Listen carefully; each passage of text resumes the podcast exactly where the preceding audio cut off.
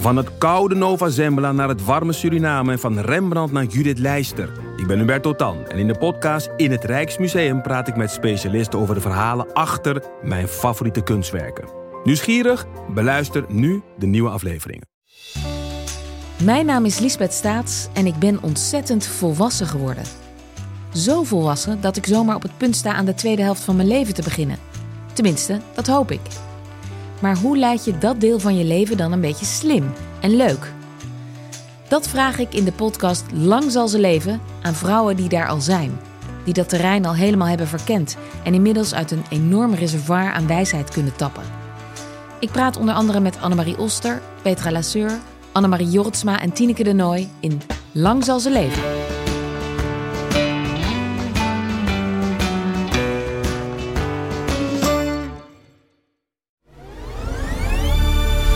Media.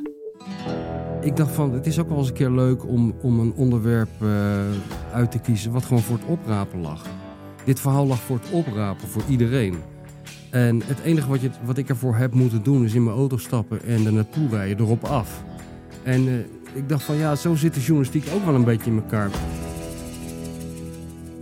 Dit is Gonzo, de podcast waarin we praten met journalisten over dat ene verhaal in hun carrière dat ze altijd is bijgebleven.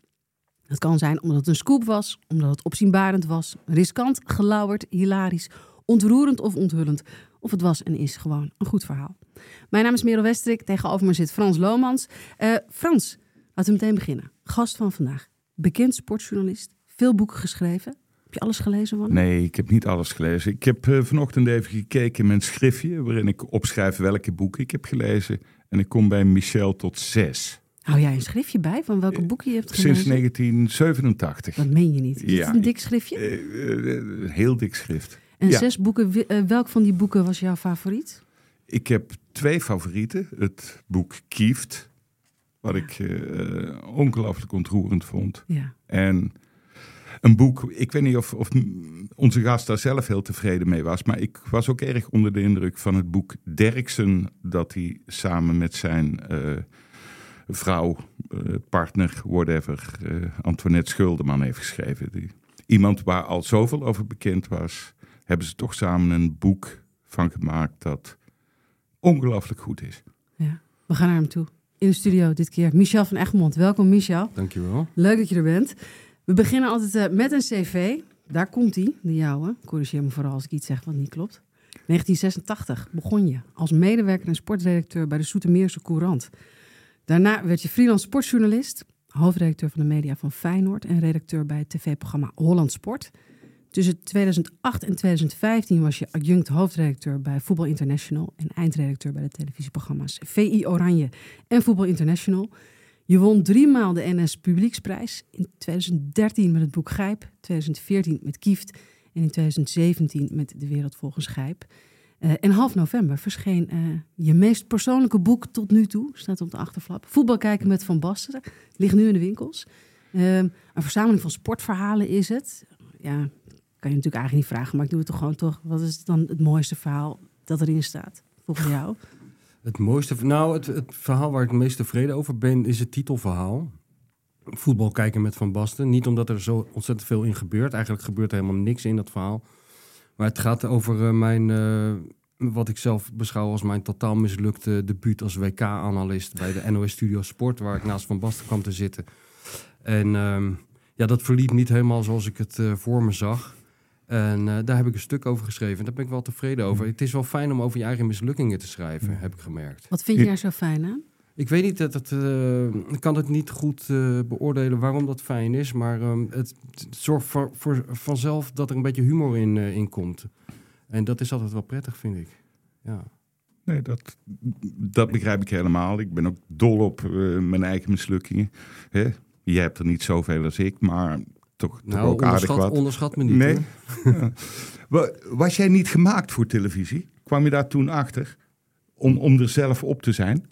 Nee, nee. Ik dat vind, weer niet. Ik vind niet dat ik gemaakt ben voor Nee, nee. televisie. Helemaal niet. Nee, het is ook niet mijn hobby om op televisie te verschijnen. Maar ik doe het wel geregeld. Met name als er een nieuw boek uitkomt. Want dat hoort er een beetje bij. Eh, het is tegenwoordig niet meer genoeg om alleen een leuk boek te schrijven. Je moet ook zorgen dat mensen het gaan lezen. En dan moet je met dat grote hoofd op de televisie. Dus dat doe, doe ik dan af en toe. Maar het is niet mijn hobby. Het liefst zit ik gewoon thuis achter mijn computer... en probeer ik die woordjes zo goed mogelijk in de juiste volgorde te zetten. Maar wat gebeurde er daar dan, Michel, in de studio? Ja, dit is niet zo leuk om na te vertellen eigenlijk. Nee, dat is eigenlijk leuker om te lezen. Dat ik. Heel goed. Kijk, dat is nog eens reclame maken voor je nieuwe boek. Heel goed. Gewoon lezen. Perfect. Eh, Michel, eh, laten we beginnen. Toen we jou eh, vroegen om hier te komen praten over dat ene verhaal in je carrière dat je altijd is bijgebleven, wist je toen eigenlijk meteen welk verhaal dat zou moeten worden? Ja, ik, ik wist het eigenlijk wel vrijwel meteen. Zoals iedereen in deze, in deze top-podcast. En het heeft ook een beetje met deze podcast te maken, moet ik zeggen. Want ik ben een trouwe luisteraar. Ik heb ze denk ik allemaal gehoord. En dan hoor ik elke week al die indrukwekkende verhalen langskomen. Weet je, van al die collega's die zo ongelooflijk veel moeite hebben gedaan. Die ene die gaat undercover, die andere die rent achter een SS'er aan. Of ze doen een of ander lousy baantje voor maanden.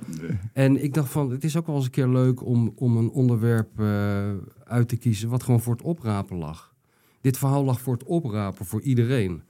En het enige wat, je, wat ik ervoor heb moeten doen... is in mijn auto stappen en er naartoe rijden, erop af. En eh, ik dacht van, ja, zo zit de journalistiek ook wel een beetje in elkaar. Weet je, je nogmaals, ik heb heel veel respect voor mensen die, die eh, een half jaar in een archief gaan zitten vlooien. Maar soms is het ook gewoon een kwestie van je auto starten en op pad. En maar zien wat er gebeurt. En ja, dit is hier een voorbeeld van. En het is verbonden aan twee vrouwen die me heel dierbaar zijn. Mijn tante en mijn moeder. En dat vond ik ook gewoon leuk. Ja. vind ik ook een goede journalistieke reden. Nee, want eigenlijk is dit een eerbetoon aan eh, Michels moeder. Inderdaad. Oké, Ja. het verhaal, de reportage waar we het over gaan hebben, verscheen in het tijdschrift Voetbal International in de kersteditie van december 2009. Het is het eh, wonderlijke verhaal van Ulf Lindberg, de enige nog levende zoon van de wereldberoemde Braziliaanse voetballegende Garrincha. Ulf was 49 toen je hem opzocht. Hij was ook wereldberoemd vanwege zijn vader, die hij nooit heeft kunnen ontmoeten trouwens. En je beschrijft het leven van de voetballegende. Je beschrijft het leven van Ulf, die worstenverkoper is in Zweden. Het is een vermakelijk verhaal, een tragisch verhaal, eh, levendig, echt een, een geweldige geschiedenis. Laten we bij het begin beginnen. Het verhaal lag dus voor het oprapen. Wat is het beginpunt? Ja, het verhaal lag voor mij al bijna 30 jaar voor het oprapen. Het begint eigenlijk eh, op mijn tiende eh, dat ik van mijn moeder eh, een boek kreeg. Ik denk mijn allereerste of mijn tweede boek over voetballen wat ik ooit heb gekregen. Omdat zij ontdekte dat, dat die liefde voor voetballen toen bij mij ontstond. Dat is een uitstekende leeftijd, 10, 11 jaar. Dan is alles nog romantisch en nieuw voor je. En zij gaf me een boekje eh, van Hans Molenaar. Dat ging over... ehm, dat ging weliswaar over voetbal, maar dat ging niet over het spel. Dat ging vooral over de rare dingen rond het voetbal. Daar was ik eigenlijk gelijk door gegrepen. Een van de verhalen ging over Garrincha, van wie ik toen ook nog nooit had gehoord. Maar ik las dat dat een geniale Braziliaanse voetballer was geweest. Ehm, en het ging ook over een Engelse journalist eigenlijk, dat verhaal. Garrincha gaf een interview. Garrincha had 13 kinderen, althans officieel. Waarschijnlijk had hij er veel meer, maar had hij 13 eh, erkend. Ja. En hij gaf in, ergens in de jaren 80 een interview aan een Engelse journalist. En liet zich toen ontvallen dat hij ook nog een zoon had in Zweden, maar dat hij die nooit had gezien. En die journalist is, is toen eh, op pad gegaan, zoals het hoort. Die is naar Zweden getrokken.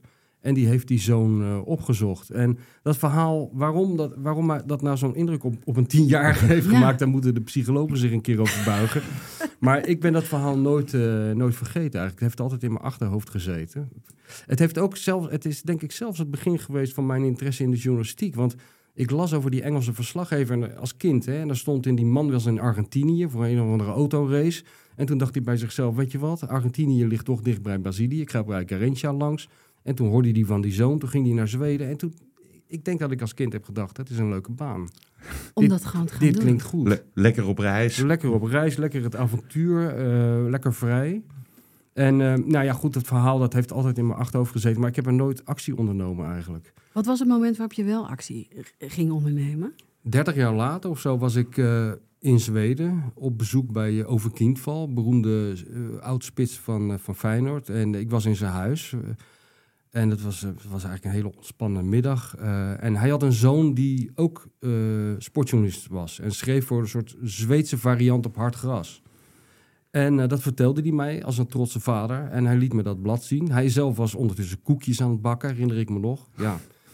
Dat had ik ook als kind niet gedacht, dat over kindvallen ooit een keer koekjes voor mij ging bakken. Maar dat deed hij wel. En ondertussen bladerde ik door dat blad en daar stond een hele leuke reportage in. Iemand had een soort alternatieve voetbalreis in Zweden gemaakt. Dus eh, je zag de landkaart van Zweden en allerlei plekken die je zou moeten bezoeken. Maar geen stadions of, of voetbalmusea, maar eh, de, weet ik veel, de, de, het visrestaurant van Thomas Brolin.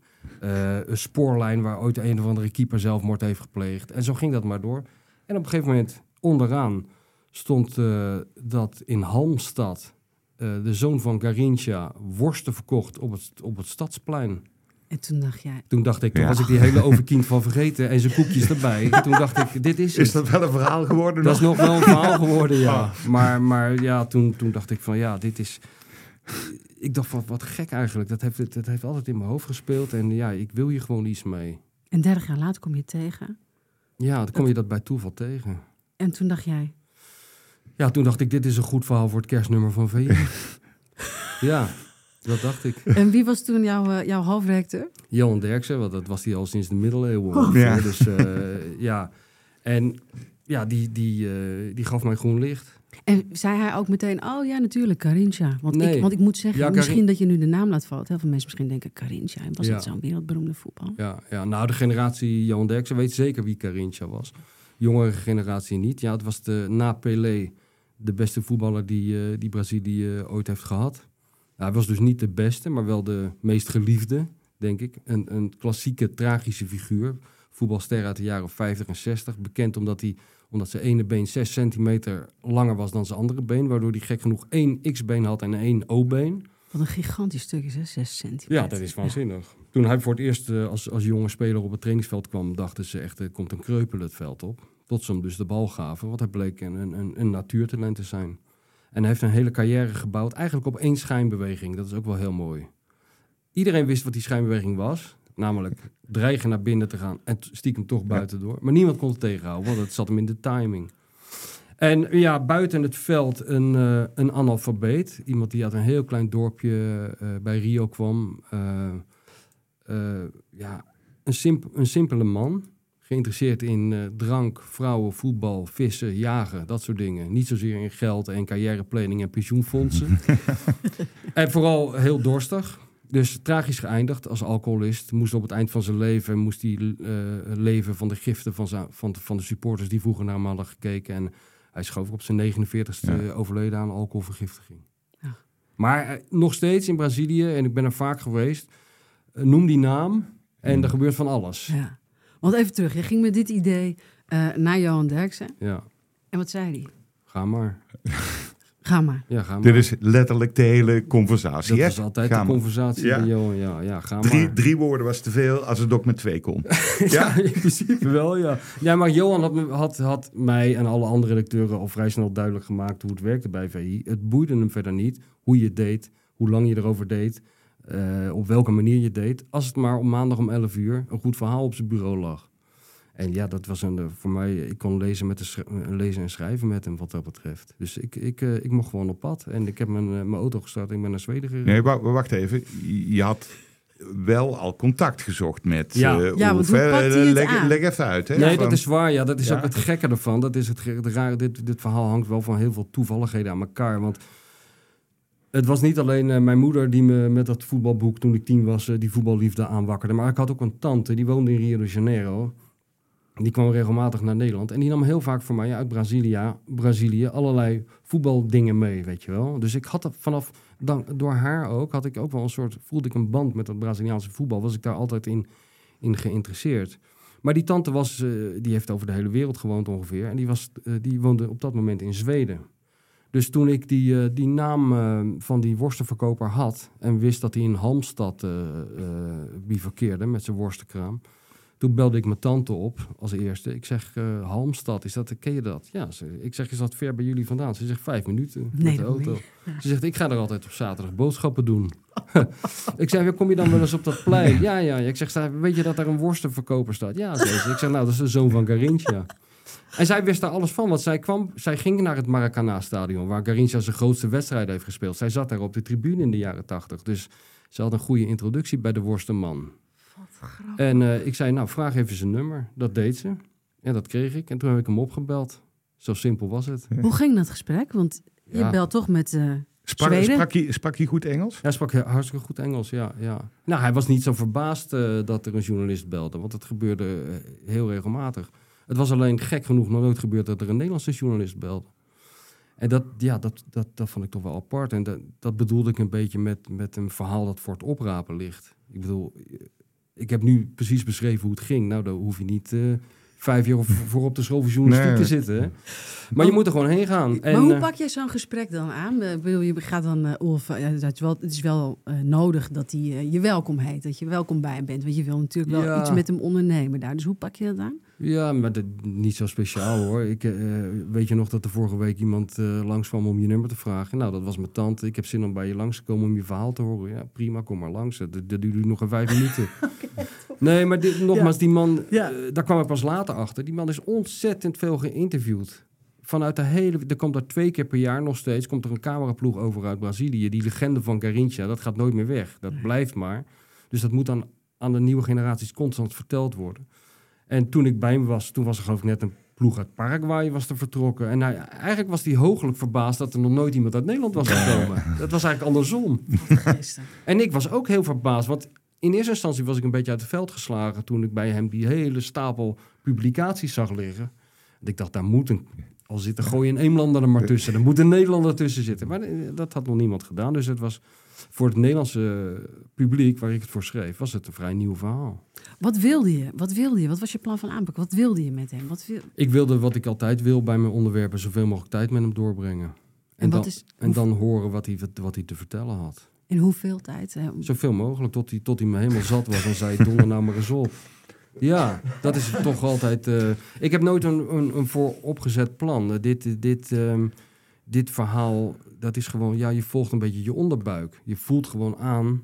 En daar hoef je ook, ja, nogmaals, daar hoef je ook geen genie voor te zijn. Je voelt aan, hier zit natuurlijk een goed verhaal. Hier zit iets achter. Hier zit meer achter dan dat, wat ik op mijn tiende in dat boekje heb gelezen.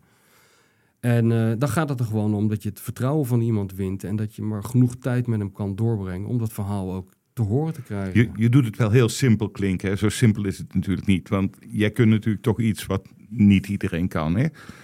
Eh, zelf heb je het wel eens eh, de edele kunst van het rondhangen genoemd. Nou ja, dat, dat, dat heb ik van mijn grote idool uh, Lees. Uh, die, die heeft het inderdaad over de fine art of hanging around. Ja. En dat, dat, die, die, uh, ja, dat volg ik wel, dat principe, ja. Wat is Om- de kunst daarvan? Ehm, nou, de, de kunst is een beetje eigenlijk om je eh, een beetje hulpeloos op te stellen. Dat iemand ook denkt van, ach, die zielige jongen. Hij is helemaal uit Nederland gekomen met die rare groene Skoda van hem. Ik reed een groene Skoda, hè, moest van Johan. De oude auto van Bert Nederlof. Oh. Ja, en, eh, maar die heeft toch Zweden gehaald, dat ding. Nee, het gaat erom dat, dat, je, dat je contact krijgt met iemand. Wat ik het liefst heb, is... Ik probeer altijd zoveel mogelijk de klassieke interviewsituatie te vermijden. Dus ik probeer te voorkomen dat ik tegenover iemand kom te zitten... met een bandrecorder in het midden... en dat we dat toneelstuk gaan doen van mannetje A stelt een vraag... en mannetje B geeft antwoord Ja. en dan stelt mannetje A weer een vraag. Ik wil gewoon eigenlijk het liefst met mensen praten... zoals je normaal met mensen praat. Dus achterloos. Ja. Eh, tijdens het eh, boodschappen doen of in de auto het liefst. Of eh, als we ergens op zitten te wachten of koffie drinken, weet je wel. Dan, want dan, dan denk ik, dan toont iemand zich zoals die echt is. En, eh, en dat, dat wilde ik eigenlijk. Dus ik heb gewoon met hem afgesproken. Ik zei, nou, ik, ik, ik kom eraan, die en die datum. En eh, toen zei hij, nou, ik kom wel naar je hotel. En ik zat daar en ehm, ik zag hem aankomen. Nou, het eerste wat me opviel was dat hij net zulke kromme benen had als zijn vader. Ja. Hij had ook helemaal die, die want ik had Garincha wel bestudeerd, ik wist er veel van. Ehm, en dat, dat viel mij op, dat hij die, die rare motoriek had, dat hij op hem leek. Hij leek heel erg op hem. En eh, nou, het ging heel makkelijk eigenlijk in het begin. Hij stak gelijk van wal, hij begon gelijk te vertellen. Maar ja, goed, dat is natuurlijk het, het, het verhaal wat hij aan elke journalist vertelt. Want, oh, want nog heel even, jij Mhm. legt niet van tevoren aan je onderwerp uit dat je zo lang mogelijk Nee, dat komt rondom wil blijven hangen. Nee, dat komt vanzelf wel te sprake. Ik bedoel, voor hetzelfde, hij had ook kunnen zeggen na een uur, Ja. het is welletjes, beste Ja. Michel. Ja, nee, maar daar dat- staat je Skoda. Ja, ja, dat had gekund, maar dan, dan had ik iets anders verzonnen. Dan was ik gewoon bij die worstenkraam gaan staan de volgende dag en eh, kijken wat hij tegen die klanten zegt. Of je kan altijd wel iets verzinnen, weet je wel. Oké. Maar eigenlijk gebeurt het nooit hoor. Want eh, Nee, ik, ik, ik, maak, nou- ik, ik zeg natuurlijk wel dat ik... Ik kom voor een verhaal. Ik zeg tegen hem, ik ben geïnteresseerd in je verhaal... en ik wil, ik wil je verhaal horen, dat zeg ik. Nou, en dan zit ik in die lobby en dan denkt die man ook na een uur van... nou, ik heb het wel verteld, hè. Ja. En dan vraagt hij aan mij, eh, wat ga je nu doen? En dan, dan zeg ik, ja, geen idee. ik, ben, ik ben hier ook nog nooit geweest. En vroeg of laat zegt iemand, nou, ga dan maar met mij mee. ja, Zullen we samen even wat eten? en dat ging je doen. Je ging Ja, ik ging gewoon met hem mee en, en eh, dat, het klikte ook wel. En wat wel scheelde was nogmaals dat eh, hij merkte wel dat ik er veel van wist. Ja.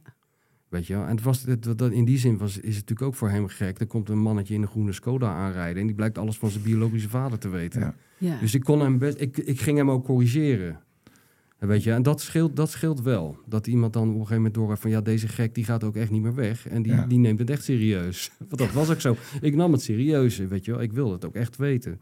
En ik heb, ik heb hem ook, ik vertel ook, ja, dat is, heel veel journalisten zeggen dat het een beetje not done is. Not done, zegt Johan Derks altijd. Maar eh, om over jezelf te praten, maar dat doe ik wel altijd. Ik vertelde over mijn moeder en dat boek en hoe het Ja. allemaal zat. En eh, ja, dat, het ging, het ging heel gemakkelijk eigenlijk. Wat voor iemand vond je het, dat eerste uur, deze, on, deze ja. zoon van Carinthia? Ik vond, hem, eh, ik, ik vond hem heel sympathiek, heel aardig. Ik zag dat hij ook. Ik had niet verwacht dat hij zoveel moeite en tijd voor me zou nemen. Eh, en ik zag ook wel dat het hem raakte nog steeds. En, en, en je merkte ook wel dat hij. eh, hij vond het niet erg om erover te praten. Hij was er wel een soort van trots op ook. Maar dat wisselde gaandeweg hoor. Hij werd er soms ook wel eens moe van, merkte ik. Want ik ben dus een paar dagen met hem opgetrokken uiteindelijk. En op een gegeven moment zei hij: Ja, joh, je wordt er ook wel moe van. Want elke dag heb ik het erover. Maar goed, dat is ook komisch. Wat heb je allemaal met hem gedaan, hè, Michel? Ja, nou niet zo heel veel bijzondere dingen. Joh. Daar, het gaat mij nooit om wat we doen. Weet je wel, je hoeft voor mij geen spectaculaire dingen te gaan doen met hem. Eh, Als we de vuilniszak gaan buiten zetten, bij wijze van spreken, is het ook goed.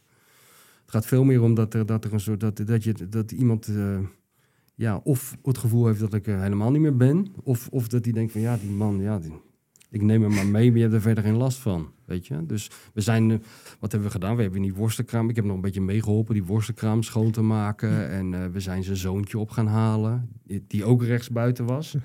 Weet je wel, Garintje was rechts buiten, die Oelf was rechts buiten, dat zoontje was rechts buiten. Wat het ook weer een beetje tragisch maakte. Ja, het, maakte- het, het zat helemaal vol met dat soort rare toevalligheden inderdaad. En, eh, nou ja, goed. en toen ging hij mij zijn verhaal vertellen, hoe het allemaal in elkaar stak. En dat vond ik wel heel interessant gewoon.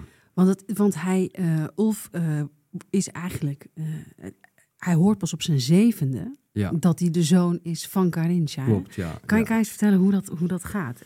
Ja, nou ja, Garrincha is in 1958 voor het eerst in Zweden gekomen met de nationale elftal van Brazilië. Toen is hij samen met Pelé wereldkampioen geworden. Dat is een van de meest spectaculaire elftallen die de ooit de World Cup hebben gewonnen. Hij werd daardoor echt een wereldster. Dit was het WK dat voor het eerst eh, op televisie werd uitgezonden. Dus iedereen eh, in, de, in de voetbalwereld wist wie die was.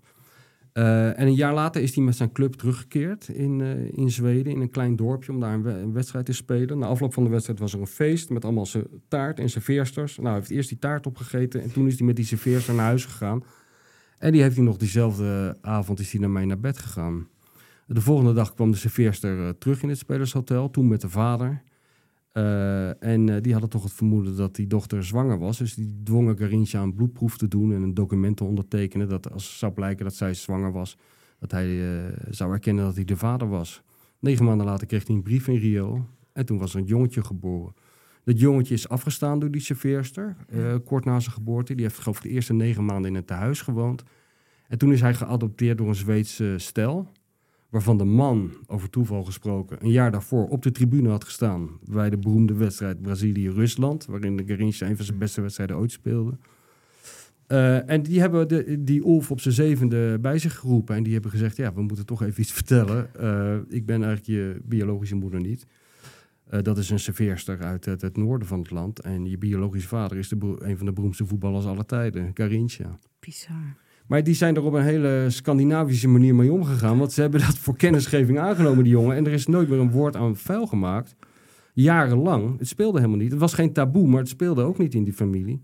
Tot dus die journalist, waar ik, eh, die Engelse journalist van de Daily Mail, waar ik op een tiende al over las, op een dag aanbelde. En zei: Ik heb gehoord dat jij de zoon van Carincha bent. En toen zei hij: Dat klopt. Toen heeft hij zijn verhaal verteld voor het eerst. En toen is hij naar bed gegaan, vertelde die Ulf. En de volgende ochtend werd hij wakker gebeld door zijn vrienden. Toen bleek hij op alle voorpagina's van alle Zweedse kranten te staan. En vanaf die dag, zei hij, is er letterlijk niet één dag in zijn leven voorbij gegaan zonder dat hij eh, werd herinnerd aan zijn biologische vader Garincha, die hij zelf dus nog nooit heeft ontmoet. Heeft hij geprobeerd om hem eh, te ontmoeten? Ja, hij heeft, hem, eh, hij heeft hem een keer als kind een brief geschreven. Die heeft, die heeft hij mij ook laten zien. Een hele, hele kinderlijke brief. Je papa Garincha stond erboven, herinner ik me nog. Ja. Heel, li- heel lieve brief. Hele lieve brief. Eh Garincha was analfabeet. Ik kon hem dus niet, eh, niet lezen en ook niet terugschrijven. Maar heeft, eh, heeft, heeft dat via een, een vrouw die Engels sprak toch gedaan. Dus hij heeft wel een brief gekregen van zijn vader. En heel even heeft het erop geleken dat ze elkaar zouden ontmoeten. In 1978, eh, tijdens het WK in Argentinië, was Garincha analist op de televisie. Eh, althans, dat was de bedoeling. En toen wilde een Zweedse krant dat jongetje naar Argentinië vliegen. En dan zou de grote hereniging plaatsvinden. Maar Garincha was toen al zo aan lage wal dat hij helemaal nooit op kwam dagen in die studio. En eh, dat hele plan is eh, in duigen gevallen. Als jij dan met Ulf, eh, ik kan me zo voorstellen dat je zo naar de zolder gaat met Ulf om een beetje oude tijdschriften door te kijken en zo. eh, dan is zo'n briefje vinden wel echt een hoogtepunt. Ja, nee, maar dat was het rare van... van eh, dat, ik wist helemaal van het bestaan van die brief niet. En dat is wel de reden waarom je lang rondhangt met iemand. Eh, want dat vertelt iemand niet gelijk. Nee. Ja, iemand, zo iemand die, die vaak is geïnterviewd, hoewel hoewel die hier dus onbekend is, is gewoon vaak geïnterviewd. Die weet op een gegeven moment, oh, die journalist wil dat horen en dat horen en dat horen.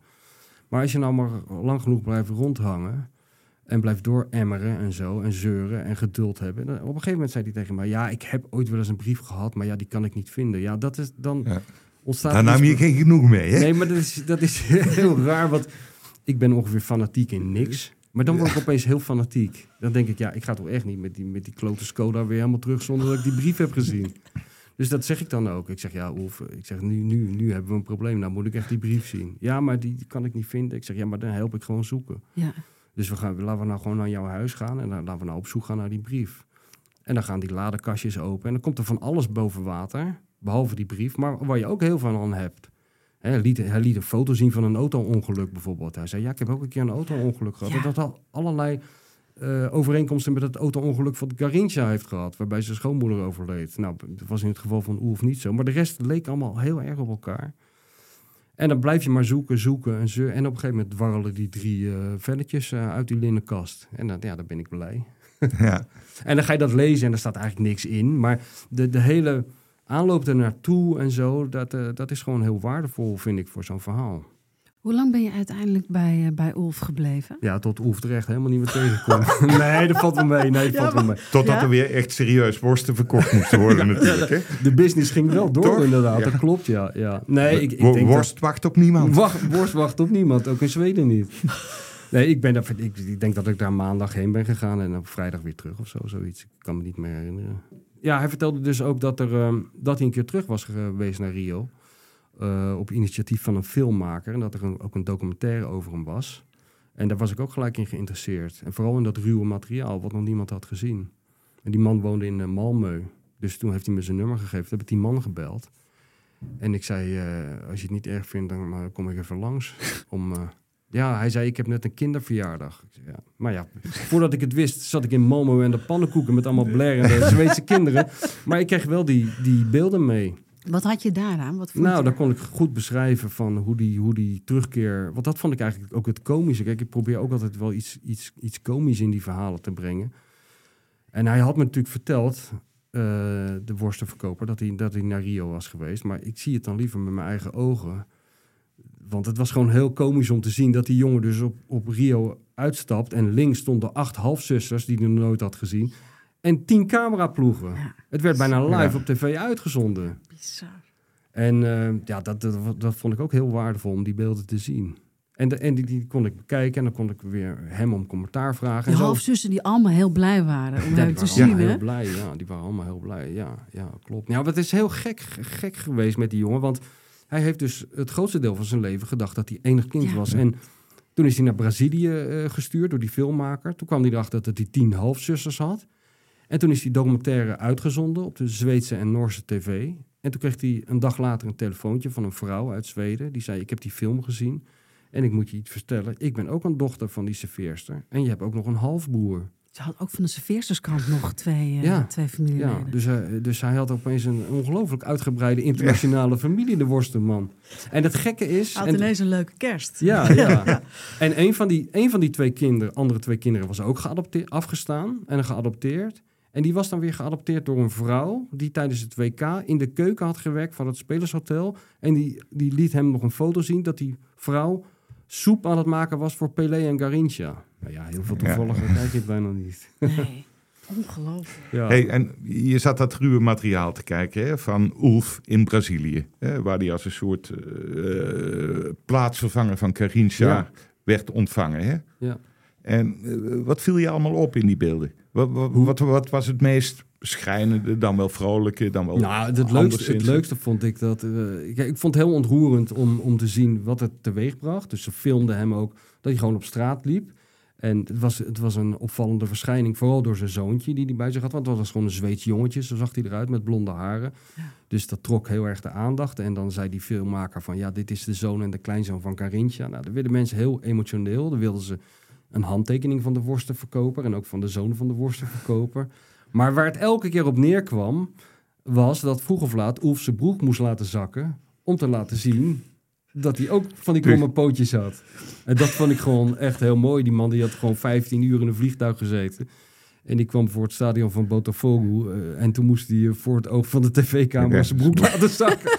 Alsof hij zo moest bewijzen dat hij echt de zoon van Garincha was. Maar het was het bewijs, hè? Het was zeker het bewijs. En ook daar werden mensen weer heel emotioneel van. Bijvoorbeeld Nilton Santos, eh, de, de, de, de, de, de ploeggenoot van, van Garincha. Die- En beste vriend. en beste vriend. En, en, en, en, en degene die er ook bij was geweest toen de vader en de jonge serveerster verhaal kwamen halen na de bevruchting, zou ik maar zeggen. Ja, ja, ja. En toen Garincha ons zich onder het bed had verstopt, dat had hij allemaal meegemaakt. Ja. En nu zag hij die, die verloren zoon en die kleinzoon en die komen pootjes. En weer kwamen de tranen. Dus het, het had iets moois en het had iets, iets heel wrangs en iets grappigs tegelijk. En daar hou ik altijd wel van. En kan je nog één, wa- waarom was Carinthia zo geliefd? Wat, wat, wat, wat was dat? Ja, omdat hij... Ik dat denk zelfs zijn hij- zoon, als hij daar is, dan zulke emoties oproept. Ja, ze noemden hem... Zijn bijnaam was de vreugde van het volk. Ik denk dat ze van hem hielden omdat hij het spel speelde zoals het ooit bedoeld is. Echt als een spel. Ja. Eh, ze zeggen van hem dat hij, dat, het hem dat hij vaak helemaal niet wist tegen wie hij speelde. Dat hij, dat hij een WK-finale op precies dezelfde manier speelde als een, eh, een partijtje in de achtertuin. Nou is het wel zo dat... Kijk, over Garincha zijn de meest geweldige anekdotes eh, bekend. Hè? En pas later is er een, een heel goed boek uitgekomen. Een van de allerbeste voetbalbiografieën die ik ooit heb gelezen over hem. Geschreven door Ruby Castro. En die onthult in dat boek dat, eh, dat 80% van al die schitterende verhalen allemaal verzonnen zijn door één journalist. Die heeft op een dag tegen Carintja gezegd van... joh, ik kan wel elke keer naar het dorp van jou komen... en proberen van alles te ontfutselen. Maar ik kan het ook gewoon zelf verzinnen. En dan verkoop ik die verhalen en dan krijg jij de helft van het geld. Dus ook, de- er is bijvoorbeeld één hele beroemde anekdote... Dat, eh, die wordt altijd eh, opgetekend eh, in, in kranten en tijdschriften en verteld... dat Brazilië wordt in eh 62 wereldkampioen in Chili... Mensen stromen het veld op. eh, men- spelers worden op de schouders genomen. Er is één Braziliaanse radioverslaggever... die wurmt zich door de menigte met zijn microfoon. Die houdt die microfoon voor eh, die radiomicrofoon voor de mond van Garincha. En die zegt dan twee woordjes Garincha. Twee woordjes voor, voor het volk in Brazilië. En dan zegt Garincha, dag microfoon. dat is dan de... Maar dit is allemaal nooit gebeurd. Heel goed verhaal. Maar het is allemaal verzonnen door één man. Twee woordjes. Je had ook dat verhaal over die transistorradio in 1958. Hè, dat Pelé kocht bij het WK daar een transistorradio. En hoe reageerde Carincha nou ook alweer? Ja, hij vroeg aan Pelé, wat, wat, wat, wat, wat moet je daar nou mee met een, een Zweedse transistorradio? Je, je verstaat toch helemaal geen Zweeds? en dat is een beetje, dat past helemaal in het beeld wat altijd van hem... Hij is altijd afgeschilderd als, als een domme clown. Daar komt het eigenlijk wel op neer. Een, een, een, een analfabeet die eigenlijk eh, van niks wist... en toevallig een, een soort goddelijke gave had om te voetballen. En die Rui Castro, die, eh, die nuanceert dat wel een beetje hoor. Kijk, het is niet zo dat Garincha een raketgeleerde was, helemaal niet. Maar de- er is denk ik, er zijn weinig voetballers om wie zoveel mythes eh, zijn. En waar ook niet meer helemaal te, te ontwaren is wat nou waar is en wat niet. Hoe doe jij dat eigenlijk, Michel? Als je dan eh, met of optrekt zo'n week, eh, maak je dat aantekeningen? Of eh, leg je af en toe stiekem je telefoon neer om wat op te nemen? Of hoe? Nou, ik probeer, altijd, ik probeer het altijd zo, eh, zoveel mogelijk te vermijden. Dat, dat ik iemand eraan herinner dat ik iets aan het opschrijven ben of zo. Ja. Omdat het altijd iets... Ik probeer, altijd, ik probeer eigenlijk de natuurlijke gang van zaken zo min mogelijk te verstoren. Dat is eigenlijk wat ik doe. En als je dan midden in een gesprek opeens een papiertje pakt en iets begint Ja. op te schrijven, dan ja, iemand denkt dan van, oh, het voorgaande drie kwartier was kennelijk niet interessant. Of iemand denkt, oh, shit, heb ik iets verkeers gezegd? Dus ik probeer ve- veel te onthouden. Daar heb ik me ook wel in getraind. En, en, en soms maak ik wel eens een aantekening als hij het niet ziet, als hij even gaat plassen of ik ga plassen. Soms neem ik ook wel op. Dat wel. Dan zeg ik, dan zeg ik gewoon, ik neem het even op. In de auto bijvoorbeeld. Ja. Ik vind de auto een hele prettige plek om mensen te interviewen. Omdat het, het is een hele natuurlijke manier om in de auto met elkaar... Niemand gaat zitten zwijgen in een auto. Ja. Zelfs niet in de Skoda. dus dat... eh, Wanneer had je voor het gevoel eh, eh, het idee van, ik heb dit, dit, dit verhaal. Wat was het moment waarop je dacht, dit, dit verhaal is rond. Ik, ik heb het. Nou, ik denk toen, toen we daar in dat huis zaten en die brief vonden, toen dacht ik van nou, dan begint het er wel op te lijken. Ja. Maar ik dacht ook bij mezelf, je moet ook wel een enorme oliebol zijn, wil je hier geen goed verhaal van kunnen maken. Het was wel... Ja, nu Ik- ben je weer dood aan het relativeren, eh, Michel. Dat vind ik ook niet goed. Ik bedoel, Nee, nou, eh, een verhaal schrijft zich niet zelf. Nee. Jij schrijft het. oké, dat, dat, dat is wel zo, maar toch was dit, ja, toch terugkomend op wat ik in het begin zei, dit verhaal lag daar gewoon.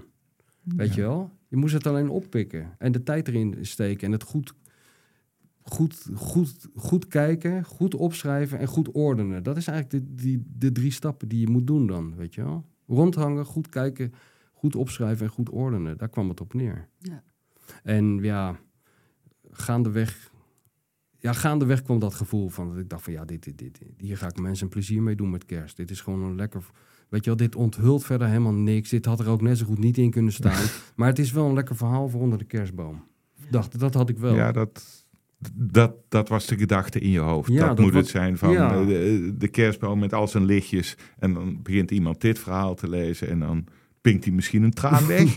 Nou ja, het, is, het, is, het was wel mijn bedoeling om een soort feel-good verhaal of een soort... eh, ik vind het ook niet echt een voetbalverhaal, weet je wel. Het gaat wel Nee, over een maar- voetballer, maar je kan net zo goed... Het is, het, is, het is ook een adoptieverhaal, bij wijze van. Of een vader over een vader en een zoon. Absoluut. Ja, Hoe komt Ulf erachter dat zijn vader niet meer leeft? Want ja, Garincha sterft redelijk jong. volgens ja, mij nog. nee, ja. Wat was die? 49 Ja, ik geloof ik. probeerde het zoiets. terug te zoeken in het 49 was artikel. Ja, ja. Ja. heel 49. triest. Hij is heel triest aan zijn einde gekomen. Er zijn, er zijn echt eh, afgrijzelijke beelden van hem eh, op YouTube te vinden. Dat hij eh, eh, een soort mascotte is van zo'n samba-school. En dat hij, dat hij half verdoofd door de tranquilizers en, en helemaal opgeblazen door de drank wordt, wo- door die straten van Rio wordt gereden. Dat is echt, eh, daar kan je bijna niet naar kijken. En bij zijn dood, ja, die dood van Garincha, dat, is, dat heeft ook voor een pandemonium gezorgd. Dat is ongelooflijk. Er braken, er braken allerlei rellen uit. En, en eh, al die vrouwen kregen natuurlijk ruzie met elkaar bij dat graf. En Ja, zo. en het lichaam wordt rondge, Ja. rondgesjouwd Ja, ja, en nog ja. ergens... ge- Dat- ten- Ja, dat is verschrikkelijk. En dat is nog steeds niet voorbij trouwens. Want een paar jaar geleden eh, verschenen weer in de kranten berichten... dat het lichaam van Garincha geroofd was. Dat het niet meer in het graf lag. En ik voorspel je, dat dit blijft zo. Over Ja. 50 jaar zit hier een ander mannetje. En die zit dan nog verhalen over Garincha te vertellen. Die waarschijnlijk helemaal niet waar zijn. Maar wel heel goed om te vertellen. Maar uh, Ulf eh, eh, weet eigenlijk van niks. Garincha sterft op een dag. eh, die is gewoon op. ja. En, eh, en er wordt gebeld eh, bij Ulf. En eh, er staat een man voor de deur. En die zegt, eh, mogen we even een reactie op het nieuws? En hij zegt, wat voor nieuws? En zegt, ja, Garincha is overleden. Zo hoort hij eigenlijk dat zijn biologische vader er niet meer is. Van een vreemde man eh, die toevallig aanbelt. Is toch ook tragisch? Ja, ja. Ja, wat het is... eh, het speelt wel een enorme grote rol in het leven van die jongen. Het geeft hem ook, ook in dat Halmstad een soort identiteit. Hij is, hij is een soort be- be- bezienswaardigheid bijna. Maar dat is het bizarre, want hij heeft hem nooit ontmoet. Nee, Hij heeft eigenlijk, misschien kan je zeggen, niets aan hem gehad. Nee. En toch heel veel weer ook weer door hem gekregen. Ja, hij heeft er een hele familie bij gekregen waar we het net over hadden. Hij Ja. heeft er eh, een hele Braziliaanse tak bij gekregen en een paar Zweedse halfzusters. Dus eh, ja, het is allemaal niet voor niks geweest.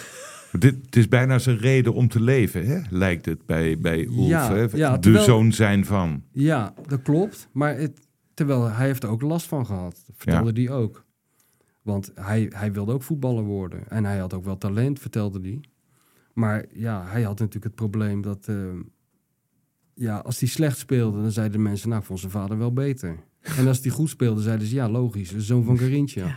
Dus hij kon het eigenlijk nooit goed doen. Hij had die druk. En die druk is ook, die druk is ook eh, overgeheveld naar, de- naar die kleinzoon. Die had daar ook last van. Dus het is een beetje haat-liefde verhouding heeft hij er ook wel mee hoor. Want ik merkte ook wel, dat ik was er ook bij, dat hij werd aangesproken door wildvreemden. Hè? Eh, bent u de zoon van Carintje? En die willen dan praten. En daar zag ik, daar werd hij moe van. Ja. Da- daar was de lol wel vanaf. Maar goed, ik, ik had ook niet het idee eh, uit jouw verhaal dat die eh, worsten verkopen nou het meest geweldige vond wat er in het leven bestond. nee, hè? nee, nee. Ik bedoel, nee, ja. wat, wat zei hij nou alweer van? Ik moet honderd keer per dag die ene vraag stellen. Mo- Mosterd of ketchup? Mosterd of ketchup? Dat deed hij voor, ja, daar moest Ja. hij verschrikkelijk om lachen. Ik zei van, nou, het lijkt me best leuk om worsten te verkopen. Zei ik, het staat lekker in de buitenlucht. Je ziet nog eens iemand. Ja, ja, zei, soms is het de hele dag niks anders wat ik zeg. Mosterd of ketchup, mosterd of ketchup, mosterd of ketchup. Toen, dat, dat zijn van die momenten, dan sta ik daar. Dan denk ik bij mezelf, ja, wat is dat toch voor waanzin? Ik lees op mijn tiende een of ander boekje. Ja, En nou sta ik naast een man die de hele tijd mosterd en ketchup roept in een worstenkraam. Ja, Geweldig. was ook weer het toppunt van tragisch hè? In, in dat verhaal dat hij dat vertelde. Van, Ja. Zo gaan mijn dagen soms voorbij met die vraag. ja, ja, Mosterd of ketchup. ja, ja. Heb je worst gegeten? Ik, ik herinner het me niet meer van. Het zit, hele het goede zit, niet in, vraag. het zit Nee. namelijk niet in het verhaal. Nee. De kwaliteit van de worst. Nee, Ja, is- inderdaad. nee, inderdaad de gemis in het verhaal. Los Ja. eindje Ja, in een dit mooi verhaal. kadertje Ja, geweest. maar dat was een mooi kadertje geweest. Ja, ja. ja. Michel, wat was het moment dat eh Ulf genoeg van je had? Of, of waarop jij dacht van eh, het, is, het is goed? Oh, ik herinner me dat. Nou, het- het- toen we die brief hadden, toen Ja. ik bij hem thuis was geweest en we die brief hadden gevonden, toen dacht ik wel van, eh, als hij als die nu zegt van, eh, kom op, ik ga weer eens even door met mijn leven. Dan dacht ik van, ik heb ik wel genoeg. Dus Ja. ik denk dat we het toen een beetje... eh, ik, ik kan me het afscheid niet, Nee. eigenlijk niet eens meer herinneren. Toen ben je teruggereden in die groene Skoda. Ja. Die hield het ook Ja, tot, ja. eh, tot We terug. tot uh, Gouda doorgedrongen met dat ding, ja. Wa- Ja. Was je alleen of Ja, had was je, alleen, foto- ja. je had geen fotograaf Nee, die, bij ik je? heb die foto's zelf ook gemaakt. Oh, die Oh. waren ook, er stond Ja. ook geen credit bij, Nee, ik. nee, dus die klopt. zijn ook van jou. Ja, ja, ja. Mooi. Eh, en hoe landde het stuk eigenlijk toen het gepubliceerd werd? Kerstverhaal 2009. Ja, nou, ik, kreeg er goede reacties op. Althans, de eindredactie die was er erg blij mee. En eh, ze hebben daar geloof ik een pagina of acht eh, voor uitgeruimd. Dus dat is altijd wel een teken dat ze er gelukkig mee waren. Acht pagina's. Ja. Was dat voor toen ook al eh ja, dat was wel- ja, ja. Nou was dat kerstnummer wel altijd iets speciaals. Dus er werd, maar nee, dat, dat betekende wel dat ze, het, dat ze het mooi vonden. En dat liet, dat liet de eindredactie me ook wel weten. Ze waren er gelukkig mee. complimentje van de hoofdredacteur? Nou, dat was niet eh, de specialiteit van het huis. eh, complimenten uitdelen voor de hoofdredacteur. Ik, me- ik heb niet vaak eh, een compliment van Johan gehad. Wel soms. En het mooie daarvan is dat het dan ook wel impact heeft. Maar in dit geval kan ik me niet herinneren dat hij taart heeft gehaald en slingers heeft opgehangen. Nee. Was er iemand van wie je het belangrijk vond, het oordeel over het stuk? Ik kan me zo voorstellen. Ja, nou, in eerste instantie de lezer, want daar, daar doe ik het voor. En ehm, ja, ik, ik, ik vind het, maar dat is gewoon in zijn algemeenheid. Ik vind het natuurlijk altijd fijn als mensen die ik bewonder het een goed stuk vinden. Dus- Zoals? Nou, bijvoorbeeld eh, Marcel van Roosmalen, wat een vriend van me is, of Hugo Borst. Ze zullen ook niet al te objectief zijn omdat nee. we bevriend zijn. Alhoewel, de, Ja, toch wel. Ja, het eigenlijk lijkt me allebei best. Ja. Mensen die zeggen wat ze vinden. ja. Dus dat, dat vind ik altijd, dat is natuurlijk altijd fijn. Als die mensen dat eh, leuk vinden. En kijk, van Johan wie- verwacht ik ook helemaal geen eh, complimenten. Kijk, Johan, Johan is een soort abstract schilderij. Hè? Dat moet je interpreteren, dat gedrag. Dus ik, je moet gewoon, als je het volgende kerstverhaal weer, kerstnummer weer voor zo'n verhaal op pad mag, dan had je het goed gedaan. Ja. Nou, ik zat volgens mij een jaar later in Japan voor een of ander verhaal over een fanclub van VVV in Tokio. Dus toen dacht ik, nou, het zal hem wel bevallen. En wat vond Ulf ervan? Heeft hij het, heeft hij het gelezen of nou, ik kan me niet eens herinneren dat ik het... eh, heb opgezeurd? mm, nee, ik heb het in ieder geval zeker niet vertaald. Ik zal het wel op hebben laten sturen, het blad. Ik heb er nooit meer iets van hem gehoord eigenlijk. Zoals dat ook gaat in de journalistiek, hè. Dat is natuurlijk ook, eh, hoort ook bij het toneelstuk wat je met z'n tweeën opvoert. Je, die, Je bent vier dagen lang Je bent zijn vier dagen lang schaduw zijn en zijn beste misschien vriend. zijn beste allerbeste vriend. vriend. Ja, ja, ja. Ik, ik heb bijna de neiging om, eh, om te vragen of hij mij niet kon adopteren. Ja. Maar als het dan verhaal eenmaal binnen is, dan gaan we gewoon weer door hoor. En de twee vrouwen eh, die een hele grote rol hebben gespeeld in dit verhaal. Ja, nou ja, Tante goed. en het- je het- moeder. Ja, dat is wel... Jouw moeder leefde nog toen dit verhaal eh, gepubliceerd Eh, werd? ja, toen, toen leefde ze nog, ja, ja, ja. Ja, ik vind het gewoon wel mooi, dat toeval, dat, eh, dat ik op het spoor ben gezet door dit verhaal. Zowel richting het voetbal als richting, toch wel richting de journalistiek. En, en dat, dat mijn tante er ook een rol in speelde. Ik bedoel, wie heeft er nou een tante die naar het Maracana gaat? Ja. en en zo vriendelijk is om even naar de zoon, de, de, zoon van Carinthia te gaan. Dus Hey. Ja, dus ik vond het allemaal een paar mooie dingen die bij elkaar kwamen. Ja. Want- Want even voor de duidelijkheid, dit is een verhaal over een voetballer en de zoon van een voetballer. Er wordt niet in gevoetbald. nee. Hè? Ik bedoel, in, je, je bent wel een meester in sportverhalen waarin niet wordt gesport. Hè? Ja, nou ja, Of, dat, dat eh, is ook, dat, dat klopt. Heb je een ja. hekel aan sport? Nou, Michel? nee, dat niet. Nee, dat niet. Nee, maar, maar, maar eh, wat, mij fascine, wat mij fascineert aan voetbal, waarom ik al 30 jaar over voetbal schrijf, dat die redenen liggen inderdaad niet op het veld. Eh, Wat, wat mij daaraan integreert is wat het met mensen doet, wat het voor mensen betekent, hoe het levens beïnvloedt. Nou, kijk maar naar dit verhaal, hoe het zijn leven heeft beïnvloed. Eh, de roem die voetbal brengt bij mensen en hoe ze daarmee omgaan. Kijk, in mijn nieuwe boek, eh, die bestaat ook uit dit soort reportages, schrijf ik over, over Paul Gascoigne, die heb ik opgezocht. Ja, dat is ook iemand die eigenlijk gestraft is door zijn talent, voor een deel. Hè? Hoe Ja. bedoel je? Nou ja, on- ongelooflijk goede voetballer.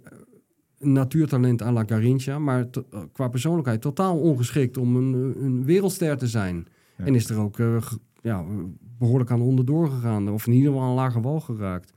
En dat zijn dingen die, eh, die mij interesseren in het voetbal. En ik ben niet iemand die, eh, die met jou een half uur over gegenpressing en de looplijnen gaat hebben. Want dat boeit mij ook helemaal niet, eerlijk gezegd. Ging het daar ook mis in die studio bij, en, eh, bij Studio Sport? Naast Marco van Basten Nee, nee, want dat weet ik wel van mezelf. Die, die, die fout, maar ik ga niet met iemand die eh, Europees voetbal van het jaar is geworden, een beetje bij de hand over tactiek eh, doen. Nee, nee. Stel, stel voor, Michel, jij had op je tiende niet dat voetbalboek gekregen van je moeder, hè, maar weet ik veel, een politieke biografie. Ja. Dan had dat je speelveld kunnen worden? Of, Dat- ja, eh, dat weet je natuurlijk nooit. Maar dat, dat, dat, eh, ik, ik weet wel zeker, maar ik ben daar allemaal pas later achter gekomen hoor. Echt, echt eh, tien jaar geleden of zo, toen iemand een keer naar vroeg. Toen dacht ik van, dat voetbal, dat is, dat is wel met twee boeken begonnen. Dat is dat rare boekje van die Hans Molenaar. En het boek Spel om de Bal van Desmond Morris. Daar liep ik als kind ook altijd mee, eh, mee rond. Dat was een beetje mijn bijbel. En dat zijn inderdaad, toen ik later terug eh, las en, en, en, en over nadacht... allebei boeken die gaan over van alles, maar nooit, nooit over het spel. Desmond Morris is een antropoloog. En, Ja. en die schrijft ook zo over voetbal. Als, als een soort stammenstrijd en zo. Dus het heeft mij zeker beïnvloed. Dat kan, dat kan bijna niet anders. Ja. ja. Hoe vaak denk je nog terug aan dit verhaal, Michel? Nou, niet zo vaak eigenlijk, nee. Nee, ik denk er niet zo vaak aan. Ja, ik vond het leuk dat jullie er naar vroegen, weet je wel. Want toen schoot het me wel gelijk als eerste er binnen. Ja. Maar verder ga je gewoon door. Je bent altijd op zoek naar weer een nieuw verhaal. Maar het is wel een dierbaar verhaal voor me. Ik heb, ik, Ja. Toen ik het teruglas, dacht ik, ja, ik heb het er enorm naar mijn zin gehad daar in die worstenkraam. Vier dagen lang. En dat had mij niet. Dat had nog veel langer mogen duren, wat mij betreft. Ja. En ik vind het gewoon. Het is ook bijna, dat is wel pijnlijk. Het is bijna een soort reliquie uit een journalistieke tijd die ook niet meer bestond. Want wie heeft er nou nog een hoofdredacteur die zegt van nou ga maar en ik hoor wel wanneer je terug bent. Ja. Ik bedoel, ik heb er gewoon een week eh, of vier, vijf dagen aan, aan, kun- kunnen rondhobbelen. Ja. En ik wilde naar die, naar die man eh, in Malmö. En dat kon dus. Er was niet iemand die belde met een prikklok. Die Waar zei, ben je? Waar ben je? En Ja. je moet voor internet nog een filmpje Ja. opnemen. En je moet nog dit doen. Nee, je moet gewoon buiten spelen. Ja. En dat, eh, da- daarom lees ik, heb ik het met plezier weer teruggelezen. Ik dacht van ja, dat was toch wel heel leuk. Hé, maar jouw hele leven is uiteindelijk toch terechtgekomen in die fase lekker buiten spelen. Hè? Ja. Ik bedoel, eh, een prikklok heb jij nog nooit gezien. Nee, niet Ah, heel veel echt. mensen niet, hoor. Vooral zo'n Wat zeg. Nou ja, maar Nou, zoiets. nee, of, of, een baas die Ja. maar steeds zegt van... Godverdomme Michel, wat zijn we aan het doen? Nou, dat heb ik best wel eens gehoord. Ja. Maar, nee, maar ik begrijp wat je bedoelt. Ja, maar nou, ik moet, ik moet zeggen, ik heb vroeger werkte ik bij Site of Pers, bij de krant. Dan volgde je natuurlijk gewoon het, ri- het ritme van de krant en zo.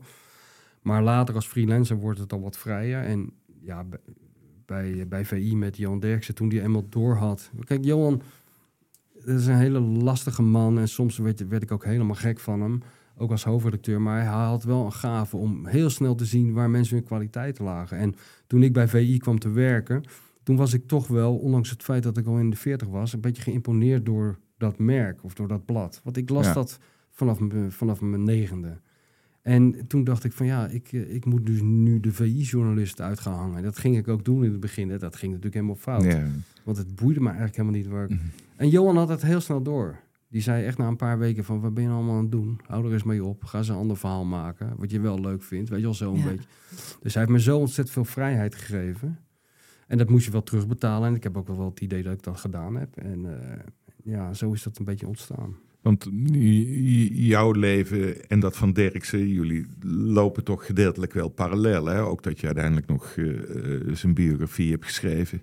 Ja, natuurlijk. Ja. En eh, dat hij mij betrokken heeft bij dat tv-programma. Ja. als eindredacteur, terwijl ik helemaal niets van tv wist. Echt helemaal niks. Dat heeft natuurlijk mijn leven ook veranderd. Want daardoor Ja. kwam ik Grijp tegen, daardoor kwam ik Kief tegen. Daardoor heb ik twee boeken over het programma zelf geschreven. Ik bedoel, ik heb een hele bibliotheek over, de- over die mannetjes gemaakt. En dat was allemaal nooit gebeurd eh, zonder, eh, zonder die man met die gekke snor. Dat, dat is gewoon zo.